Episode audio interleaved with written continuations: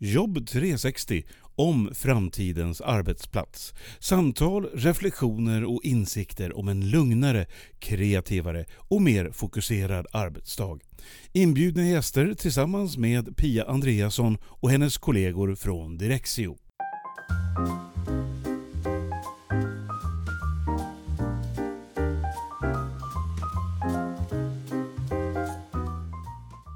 Nu ska jag snart prata med Kalle Rosengren och min kollega Sara Wadströmer.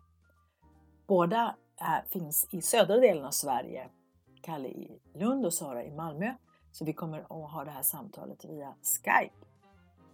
Så jag vill passa på att förvarna, det kan bli lite blurrig ljudkvalitet här och där när man pratar på det här sättet.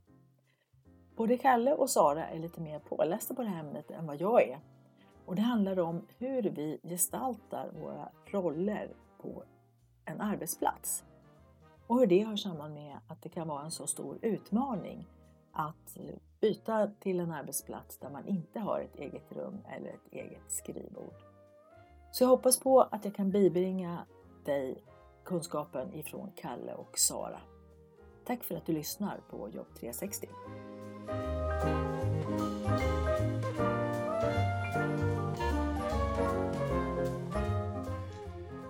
Då säger jag välkomna till podden Jobb 360, Kalle Rosengren från Lunds universitet och min kollega Sara Wadströmer.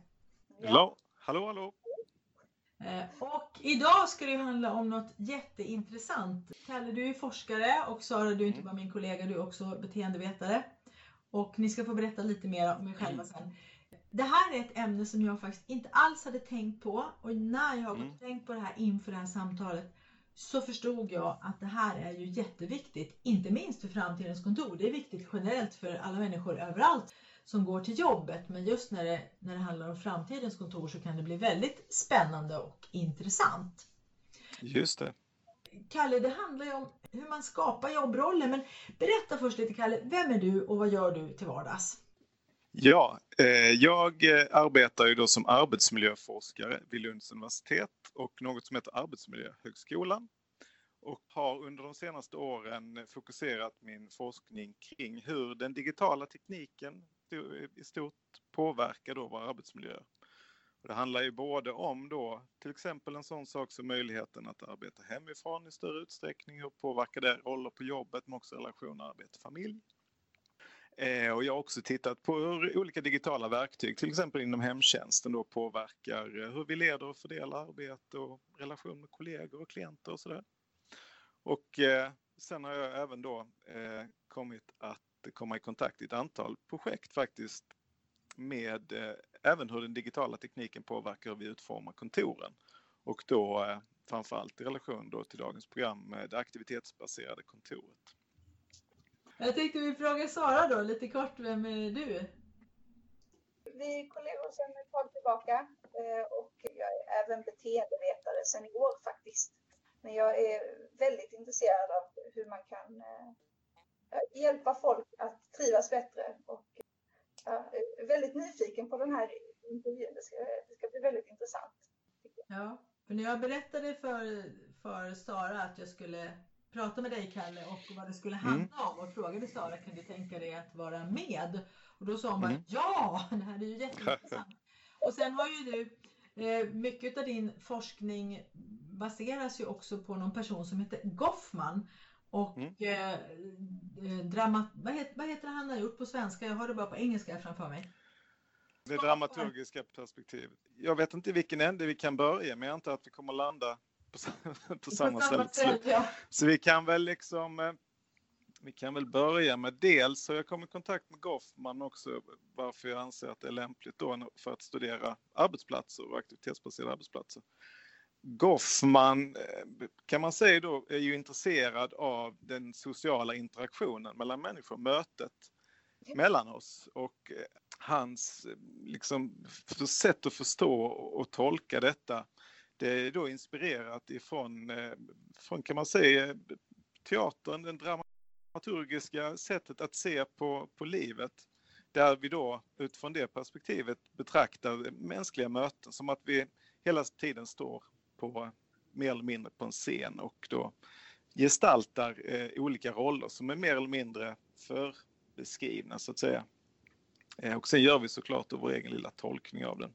Och jag menar i arbetslivet så spelar vi ju flera olika roller. Vi är ju kollegor, vi är chefer, vi är eh, Ja, vad är vi mer för någonting? Vi är Volvoarbetare och barnmorskor och allt möjligt. Det här är ju då olika yrkesidentiteter som man kan då se som olika roller som vi då under en dag gestaltar eh, på kontoret på olika arbetsplatser genom hur vi eh, för oss, hur vi beter oss, vilka kläder vi har på oss och så vidare.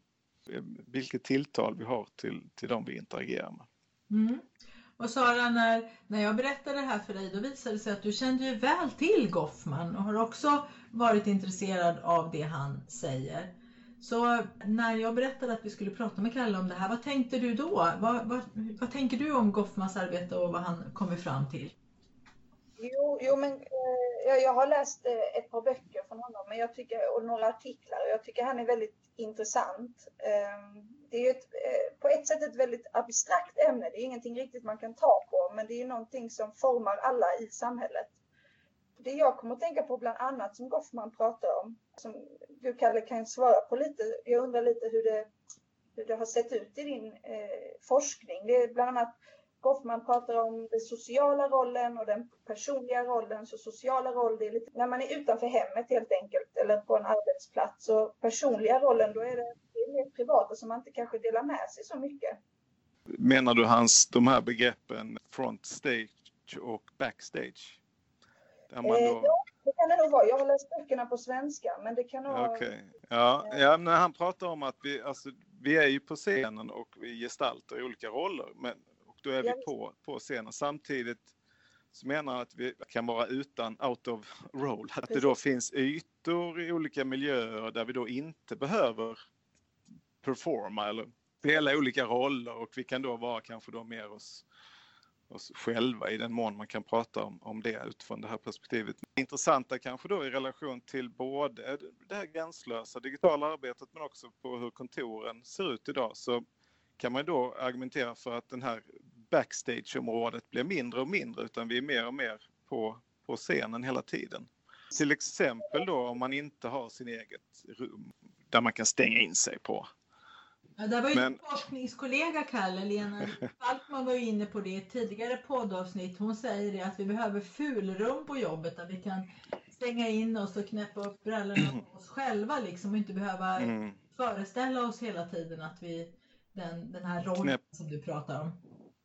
Att vi kan knäppa upp eh, brallorna, precis. Eh, och, och vara oss själva. Och samtidigt också med, får man ju, får man ju då tänka in också i ett mer och mer digitaliserat samhälle att även eh, de digitala forumen är ju också ett sätt där vi presenterar oss själva och, och, och gestaltar olika roller. Till exempel att, att vara en ambitiös och engagerad medarbetare kunde man då kanske gestalta tidigare genom att vara tidigt på sin arbetsplats och synlig på kontoret och länge på jobbet och lampan är tänd, ja ni vet. Och idag så kan man gestalta samma karaktär då, den ambitiösa engagerade medarbetaren. Den här rollen kan man ju då gestalta genom att till exempel då vara online och tillgänglig i olika forum, skicka mail och så vidare. Så att rollen, rollerna är mer eller mindre en kontinuitet eller lever vidare men de får olika gestaltningar beroende på, på hur samhället utvecklas och tekniken. Ja, ja och det du forskar om det är ju aktivitetsbaserat arbetssätt va? Mm. En del i min forskning, ja, precis. Jag kom egentligen i kontakt med Goffman lite tidigare när, utifrån ett mer performing work. Ja. Jag leker, leker lite med engelskans. Eh, ja. De skiljer ju inte på att utföra och att, eh, och att framföra eller gestalta. Eller, så att, men i engelskan så är perform både att, att, spela en roll men också att göra någon, ett arbete. Ja. Så, och det jag menar där det är ju att vår gestaltningsmöjligheter i arbetslivet har ju blivit färre i relation till ut, utveckling mot ett mer kunskapsintensivt yrkesliv. Där liksom både arbetsprocessen men också resultaten många gånger är ganska grumliga och otydliga. Om vi jämför med hantverkaren med dess handblåsta glas eller bonden i det förindustriella samhället med en åker man har slagit. Eller, det är ganska handfast både arbetsprocesset men också arbetsresultat. Det är lätt att, och liksom, att se vad en person gör genom att betrakta den. Men idag är det ganska otydligt vad vi egentligen har för oss när vi sitter där framför datorn. Och, och detta får ju då konsekvenser eh, för hur vi bedömer och värderar arbetet till exempel. Hur vet vi att någon jobbar? det är inte så lätt bara att titta på dem. De kan ju lika gärna sitta där vid datorn och, och, och surfa snusk eller köpa biobiljetter eller vad det nu kan vara. Det jag lade märke till är att du skrev i den artikeln, det var det finns eh, mer eller mindre ett slags bonussystem för de som ser ut som att de jobbar längre istället för de som är produktiva och kanske jobbar lite kortare, färre timmar men gör mer. Men sitter man längre så ser det ut som man gör mer och då ska man få bonus efter det eller få lite belöning eller liknande. Det, det finns eh, studier i, amerikanska eh, förhållanden där de har påvisat att, att chefer tenderar att i större utsträckning bedöma och värdera arbetsinsatser och, och ens karaktär på jobbet baserat på hur ofta man ser sittande på sitt rum till exempel, om det är tidigt eller om det är ofta eller sent, än faktiskt vad man gör. Och det de pratar om där, då cheferna, det är att det är faktiskt ganska svårt att, att bedöma mm. arbetsinsatser. Det är ibland lättare att se att någon sitter där och ser ut som att de, att de jobbar, att de lyckas bättre på att gestalta det är det jag menar är intressant att skilja de här begreppen åt, att liksom utföra och gestalta. Man kanske är bättre på att gestalta en hårt arbetande människa än att faktiskt jobba. Kalle, jag tänkte på det här med roller då och hur man gestaltar sig och så. En, en snickare kan vi ju se i, ute i kollektivtrafiken, man säger genast att det är en snickare, han behöver ju inte berätta det, men de andra som du berättade om då, då är det inte lika tydligt vem man är. Och sen också hur man då visar sig som en duktig arbetare som du var inne på Sara, att ju mer tid man jobbar desto, desto mer blir man bedömd då som en som är duktig på att jobba. Och så sa mm. Kalle att det behöver ju inte alls vara så. Men jag tänker, om man, om man tittar på, på forskningen så här, på människor, hur vi människor är. Hur beroende är man då av att ha en sån här roll? För jag sa i början att jag var ju helt, jag, jag insåg att jag kan ingenting om det här. Och sen så började jag mm. fundera på hur bakåt i tiden, jag har ju funnits med i arbetslivet ett tag, bakåt i tiden hur har mina roller utformats och så vidare. Mm. Och då kunde jag genast se många tillfällen då jag liksom har klivit utanför det där och inte gjort saker som har varit förväntade. Mm. Eh, eller kanske inte gjort saker som de hade förväntat sig. Mm. Och det där stökar ju till det en del. Men en person som är ute och jobbar, hur beroende är man för att kunna må bra på jobbet? Att man får ha den här rollen och gestalta den? Ja, men det är en jättebra fråga. Just eh, vad, vad, skulle man kunna säga att utifrån som Goffman då är den skolan, den socialinteraktionistiska, så är ju roller viktiga för det är ett sätt som förbinder oss som individer med det omgivande samhället. Det skulle bli väldigt svårt både bygga en social identitet men också att samspela i många situationer med, med sin omgivning om det inte fanns vissa föreskrivna roller att gå in i som rymmer både förväntningar på den andres beteende men också förväntningar på mig. Det underlättar ju både den sociala interaktionen och det finns ju också forskning som menar att det är, det är viktigt för oss att kunna knyta an till, till sociala roller. Och om vi inte har möjlighet till det så, så kan det då påverka både arbetsglädje men också motivation i relation till, till arbetet. Om vi inte känner att det, där finns en roll vi kan identifiera oss med och som vi då kan gestalta.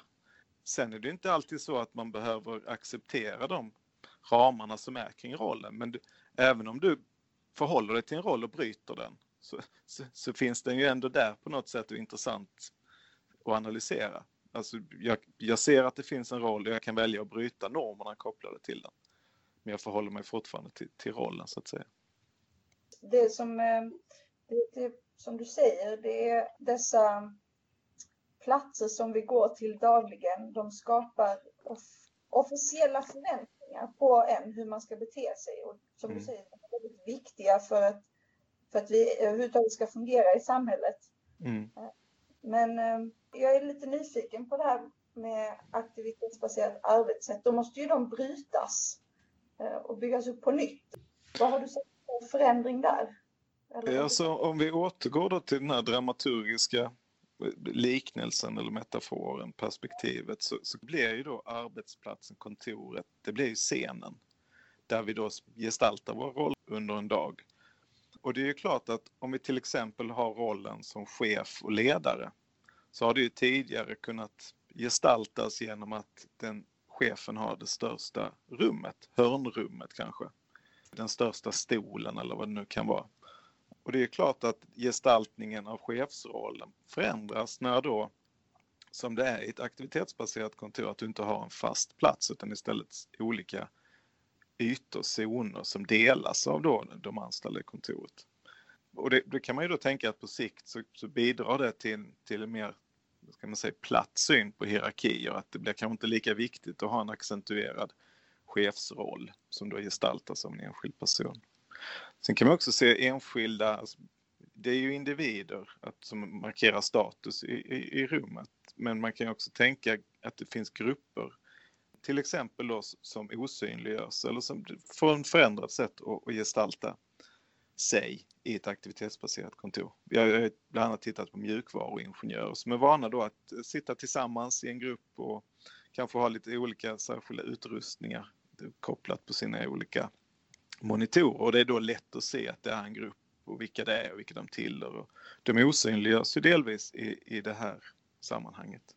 Också kanske då hur man är i relation till sina kollegor generellt sett att hur är jag en god, om jag vill vara en god kollega? Det är ju lätt att kanske då i, i ett annat sammanhang, att man sitter nära varandra till exempel och alltid har samma plats. Men hur, hur påverkas den relationen när man inte nödvändigtvis sitter nära varandra under, under en dag? Och hur kan man då gestalta att man är en god kollega?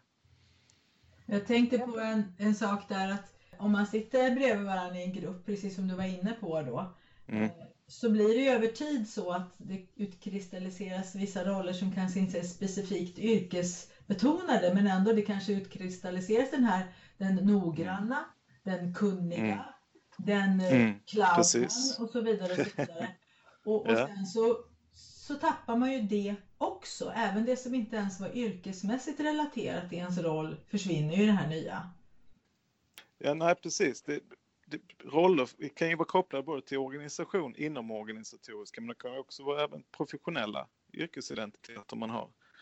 Alltså man skulle kunna tänka sig att om nu olika mer professionella identiteter blir osynliggörs i ett aktivitetsbaserat kontor i olika typer av grupper så att det, att det bidrar till en kanske mer organisationsspecifik identitet istället för att jag kanske då är mjukvaruingenjör så är jag Google-medarbetare eller vad det nu kan vara. Så att i och med att man är inte samlokaliserad på samma sätt och synliga som grupp i kontoret. Ja, det känns som att det måste eh, eh, bli en himla förändring för de anställda som är med på den här, eh, den här förändringen på arbetsplatsen i så fall. För att om de har haft en sån fast identitet så länge, då är det också någonting som de har intalat sig själv att de ska bete sig på ett visst sätt. Ska prata, vara, klä sig på ett visst sätt. Men om, om det blir mm. mer en syn som du sa, att det inte blir specifikt just den här typen av identitet. Mm. En generell identitet måste i början skapa en viss, en viss motstånd. Samtidigt tänker jag att det kan vara en väldigt positiv förändring för då måste de utvecklas mer på arbetsplatsen. Ja, det var egentligen där jag liksom började för, för att jag, jag, kom in på det aktivitetsbaserade, jag hade ganska dålig koll på det för några år sedan och, och, det som fascinerade mig och slog mig det var just att det rörde upp så mycket känslor, att det drabbade folk på ett sätt som fick mig att fundera på vad är det som händer här? Och en sak som är väldigt viktig för oss individer, kanske i större utsträckning än pengar och, och annat, eh, andra typer av belöningar, så är det just vilka vi är, vår bild av oss själva. Och, och när vi gör förändringar på arbetsplatserna som utmanar den där bilden eller påverkar den så, så leder det ju då till kraftiga reaktioner. Både positivt och negativt såklart. Och jag tror att det är ju inte nödvändigtvis som du säger att det, det kan ju vara någonting positivt. Att vi liksom har massa subgrupper, olika identiteter som, som kanske inte gynnar företaget eller de anställda och att istället så utvecklas det en, en annan typ av identitet. Att det nödvändigtvis inte behöver vara någonting negativt. Däremot så kanske man ska vara lite medveten om de här processerna när man initierar ett förändringsarbete mot aktivitetsbaserade kontor. Att inte bara handlar det om ergonomi och att den ska anpassas efter arbetsuppgifterna och så vidare, som är såklart viktiga aspekter. Men också att här genom att förändringar i kontoret så påverkar det också liksom hur vi uppfattar oss själva och i relation till andra. Det blir en identitetskris helt enkelt. När... Det är en identitetskris skulle oj, oj, oj. det kunna vara. Eh. Jag sa ju det, det här är så mycket, så mycket mer än vad jag har förstått. Men jag har en tankegång där Kalle som kom på att, för att det är så här att man bygger den här lilla världen, om man nu tänker en professor där på Lunds universitet där du jobbar. Mm. Eh, jag har mm. pratat med en annan högskola och de har börjat prata om det här och det har ju blivit ett väldigt rabalder då. Och då är det då kanske professorerna som menar på att det går inte, de kan inte arbeta om inte de kan sitta i sitt rum där de har byggt in sig då och sin profession i 20 år. Och då vart ju min spontana tanke, men hur mycket av professorskapet sitter då i rummet och hur mycket sitter i personen? Och då tänkte jag mig då att om jag träffade en sån här professor skulle jag fråga honom eller henne om jag går in i ditt rum, hur mycket professor blir jag då? Och svaret mm. är noll. Det är ju inte professor någonting. Men om du går ut ur rummet, hur mycket professor är du då? Jag är fortfarande professor. Lite besvärligare mm. kanske att hitta mitt material än vad det var innan, men jag är fortfarande jag. Och den tanken jag hade var, tror du att, att människor kan gå ifrån att spela en roll med all den här rekvisitan mm. runt omkring sig till att faktiskt bli sin roll? Men det var ju intressant att vi liksom istället för att den är kopplad till kontoret så kommer den att följa oss. Att vi tar med den ut och hittar andra sätt att leva rollen. Ja, ja nej, men den är intressant. Men, men, men det är en jättebra reflektion du gör. För att jag menar, ni tittar på, på tv på kvällarna och hur gestaltar man i dramaturgiskt att det är en professor man pratar med i tv? Man måste ha rufsigt hår. Jag vet inte kan Man ska ha rufsigt hår och sen ska man parkera hen framför eh, liksom en bokhylla. Ja. Eh, ett överbelamrat skrivbord, en bokhylla, rufsigt hår. Ah, det är en professor. Om man då inte är en forskare i vit rock så är det ju ett ganska liksom, det skickar en tydlig signal att här är någon som vet vad den pratar om. Så det är såklart ett klassiskt sätt gestalta forskarrollen. Det är ju då den överbelamrade skrivbordet och den välfyllda bokhyllan. Faktorer som såklart påverkas. Sen, sen är det ju en speciell, jag brukar liksom säga att du måste sätta det, det här aktivitetsbaserade också i en kontext. Och att vi är ju en väldigt privilegierad grupp forskare och universitetsanställda för vi har ju redan alla de här miljöerna i vårt kontor idag. Vi har ju ett eget rum men vi har också bibliotek och vi har seminarierum och fikarum och allting. Va? Medan på ett, kanske då ett mindre kontor i Stockholms innerstad där man har en begränsad yta så har du kanske bara en typ av miljö, att du har ett skrivbord bara. Och alla har varsitt skrivbord, att det blir ganska liksom fattigt. Och i ett sådant sammanhang så kan det såklart vara positivt att ta bort några skrivbord och göra om så att du får fler ytor. Jag menar det mer som, som att liksom jag, jag, jag förstår om folk blir då i min värld blir upprörda av ett aktivitetsbaserat tvivel innebär egentligen att man bara tar bort sin eget rum. Men i andra sammanhang så kanske det är tydligare då att du får andra ytor på köpet. Om ni förstår vad jag menar. Mer en generell betraktelse att ibland så tror jag vi är lite bortskämda när vi avfärdar det aktivitetsbaserade eftersom vi redan har alla ytor. Men är man ute och tittar i kontor så är det ju ofta väldigt mycket skrivbord man ser. Och då är frågan hur ofta sitter vi där och hur, hur viktigt är det egentligen? Kunna använda kontorsytan på ett bättre sätt. Ja, precis. Jag, jag har olika typer av arbetsplatser, för nu beskrev du ju en väldigt eh, tydlig en med att ni, ni har ju verkligen rum för varje, varje typ av... Vi har rum för varje, men vi har ju då tillsammans, du nämnde Lena Lid Falkman som har varit gäst här innan. Vi har ju jobbat i ett projekt och tittat på flera olika typer av både fastighetsföretag och teknikföretag men också företag i say, managementbranschen som har ganska olika förutsättningar. Till exempel om man då tar det här som jag tittade specifikt på managementkonsultföretaget i Stockholms innerstad som har ganska många anställda och ganska begränsad kontorsyta så kan man ju då se att genom att ta bort ett par skrivbord och ändra liksom hur de använde ytorna att man fick fler miljöer i, i verksamheten. Och sen hur, huruvida man använder dem eller inte, det är ju inte nödvändigtvis samma sak för det påverkas ju också både yrkesidentitet men också organisationskultur. Om jag får ge ett konkret exempel bara. det lät lite fluffigt det där kanske. Men, men i, i det här företaget så var det då, som jag nämnde innan, viktigt att vara en god kollega. Och att vara till hands. Och det hade ju då hela tiden gestaltat att de satt väldigt nära varandra. Och de fanns till hands rent fysiskt så att säga. Så när man då ändrar de här lokalerna och får en, en tyst och fokuserad yta i en del av huset så var det ingen som riktigt använde den. Och min tolkning av, av det var att det var inte riktigt okej okay för att det var viktigt att finnas till hands och vara en god kollega. Det fanns inga riktigt andra sätt att, att gestalta det där på. Genom att helt enkelt sitta nära varandra rent rumsligt. Så olika förutsättningar i olika branscher, i olika, var man har sina lokaler så att säga. Så det måste man ju ta hänsyn till också när man bedömer vad det är aktivitetsbaserade.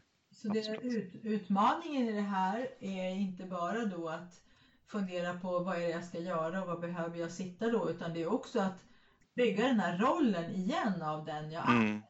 Hur uppfattas jag av mina kollegor? Hur vill jag uppfattas? Vem är jag i relation till mitt arbete och på min arbetsplats?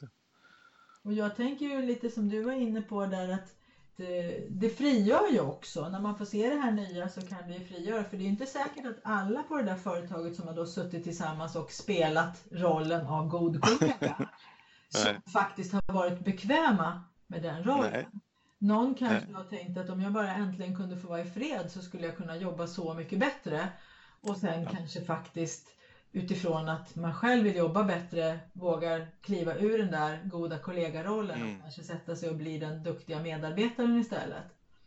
Precis, så skulle det kunna vara. Sen är det ju så, alltså det är lite högt och lågt här, men, men vi ser ju också att när man då går över vissa företag till aktivitetsbaserat tar man också bort samlade ytan så att de här tysta och fokuserade ytorna många gånger är alldeles för få och för små så att det finns liksom ingen riktig möjlighet att sitta fokuserat. Men i den mån det finns och kanske inte används så skulle det kunna vara ett utslag av att det kanske inte betraktas som att vara en god kollega att sitta där. Det läste jag också i artikeln, det har jag läst i flera böcker. Mm. Eh, jag snuddade vid det tidigare. Det var, har man en viss arbetsplats på jobbet som man går till, ett, ett visst skrivbord varje, som man går till mm. varje dag där man har sin kaffekopp. Då blir det ju att man, man intalar sig själv vem man är, hur man ska mm. prata, klä sig, hur man ska bete sig helt enkelt. Då måste man ju ändra helt, helt och hållet den här storyn som identifierar sig själv med när man är ute på, i sociala miljöer. För det är, mm. man har ju en slags berättelse som man talar om för sig själv när man är hemma själv. Då är jag en viss person när jag går till jobbet så ska jag ha den här typen av ja, framträdande, uppförande mm. och liknande. Och bryter man då det, då måste ju hela den världen rubbas. Det, det jag har tänkt på det är också då om möjligtvis den privata, den personliga rollen som man har mm. kommer fram mer på ett aktivitetsbaserat arbetssätt. För att det är ändå en trygghet man alltid har. Man vet ju vem man är när man är hemma. Men om ja. den sociala delen rubbas så kanske den förminskas också. Just det. Nu vet jag inte om det svar riktigt på, på din fråga, men det var ett intressant, intressant resonemang. Jag tror definitivt är det ju så att min möjlighet att uttrycka min privata sida, vem jag är när jag inte är på jobbet, blir förminskad mindre i ett aktivitetsbaserat kontor med, där du inte har en personlig plats. Men sen huruvida det är viktigt för mig eller inte, det är ju en annan sak. ser vi ju i, i vår pågående studie här där vi har tittat på just arbete och familj och den relationen. Att för vissa är det väldigt viktigt att det är skillnad på mig som mamma eller pappa och chef och kollega. Så när jag är på jobbet så vill jag absolut inte växla mellan de här. Till exempel blir jag störd om jag blir uppringd för att då måste jag gå från att vara chef till att vara pappa. Finns det ju de som tycker. Medan andra har ju då en identitet som mer liksom omfattar hela livet, både arbetslivet och privatlivet. Att, att man inte gör någon större skillnad på de här olika rollerna. Och, och det är ju klart, då kan man känna sig lite amputerad om jag inte får då uttrycka mig med olika fysiska artefakter på mitt skrivbord. Vem jag är. Kanske en golfboll har jag på mitt skrivbord. Eh, Bilder eh, på barnen och så vidare. Den, den delen blir ju utan tvekan mindre om du då inte har en personlig plats i kontoret. Ja, så du tänker att den, den privata delen, rollen, förminskas istället för att den förstärks inom, inom, ett sådant eh, aktivitetsbaserat arbetssätt? Ja, det skulle jag nog säga. Okej, ja det är intressant. Jag trodde det skulle vara tvärtom nämligen. Men det, Ja. det är intressant. Jag är lite också inne på att det skulle kunna bli tvärtom, att man, Mm. man kommer loss från sin professorsroll och kommer Mm. ut ifrån professorsrummet, om man nu ska ta det som en metafor, så, Mm. så kan jag också vara lite mera golfspelaren, Pia, professorskan. Eh, lite så tänker Ja, men det jag är, det är ju intressant. Alltså hur, hur det landar och hur det tolkas och hur det förändrar rollerna. Ja. Eh, Vi, vi har ju två goda argument båda sidorna. Vi får väl se vem som får rätt. Ja. Visst, det är klart att det, det kan ju vara så att man har en väldigt tydlig roll kopplad till, till en viss plats och att man frigör någonting genom att man då tar bort den. Så absolut, intressant. Mm. Jag tänkte vi får, vi får kanske runda av här om vi ska hålla Mm. programlängden och jag vet att någon av er har lite bråttom också men jag sa det till Sara här innan när vi pratades vid lite innan vi pratade med dig Kalle, det var att det Mm. som vi ska göra nu här 30 minuter podd av någonting som egentligen borde vara en tv-serie på fyra avsnitt. Så den Ja. idén kan du få från oss för att. Det här är ju ett jättestort ämne men jag tyckte det var så tänkvärt att det Mm. är det här med rollerna, att det är det som Mm. utmanas och det är också att du fick syn på det då när du började titta Mm. på de aktivitetsbaserade arbetsplatser och Mm. började utifrån din forskarsjäl där fråga dig hur kommer det här sig? Hur kommer det sig att det engagerar så mycket och gör folk så upprörda? Eller Ja, och då, har, engagerade? Då är vi ju Mm. faktiskt en del av, av svaret på den frågan på Mm. spåren. Sen vad man, hur man ska göra då för att få människor att må bra, Sara som du är mycket inne på, hur får man dem att trivas på jobbet? Hur hjälper man dem att hitta sina roller i den här nya omgivningen? Det löser vi ju inte idag. Nej, men det, det är intressant att diskutera och höra olika skillnader och vad som har kommit fram till. Mm. Ja, och vi får skicka med lyssnarna här nu då att eh, det här är en jätteviktig aspekt, hur att hjälpa medarbetarna Mm. att bygga sina roller på den här nya scenen så att man känner sig trygg. För en utav mina käpphästar är att är man trygg, då presterar man väldigt bra. Och då kan man också hjälpa varandra på bästa sätt. Så att, eh, hur skapar man tryggheten i det nya kontoret? Snyggt summerat. Tack! Och tack Kalle och tack Sara för det här samtalet. Tack, Tack själv. Trevligt att få vara med. Ja, Jätteintressant, verkligen. Mm. Mycket. Okej. Vi hoppas att prata vidare om det här kanske i, i podden framöver. Utmärkt. Tack ska ni ha.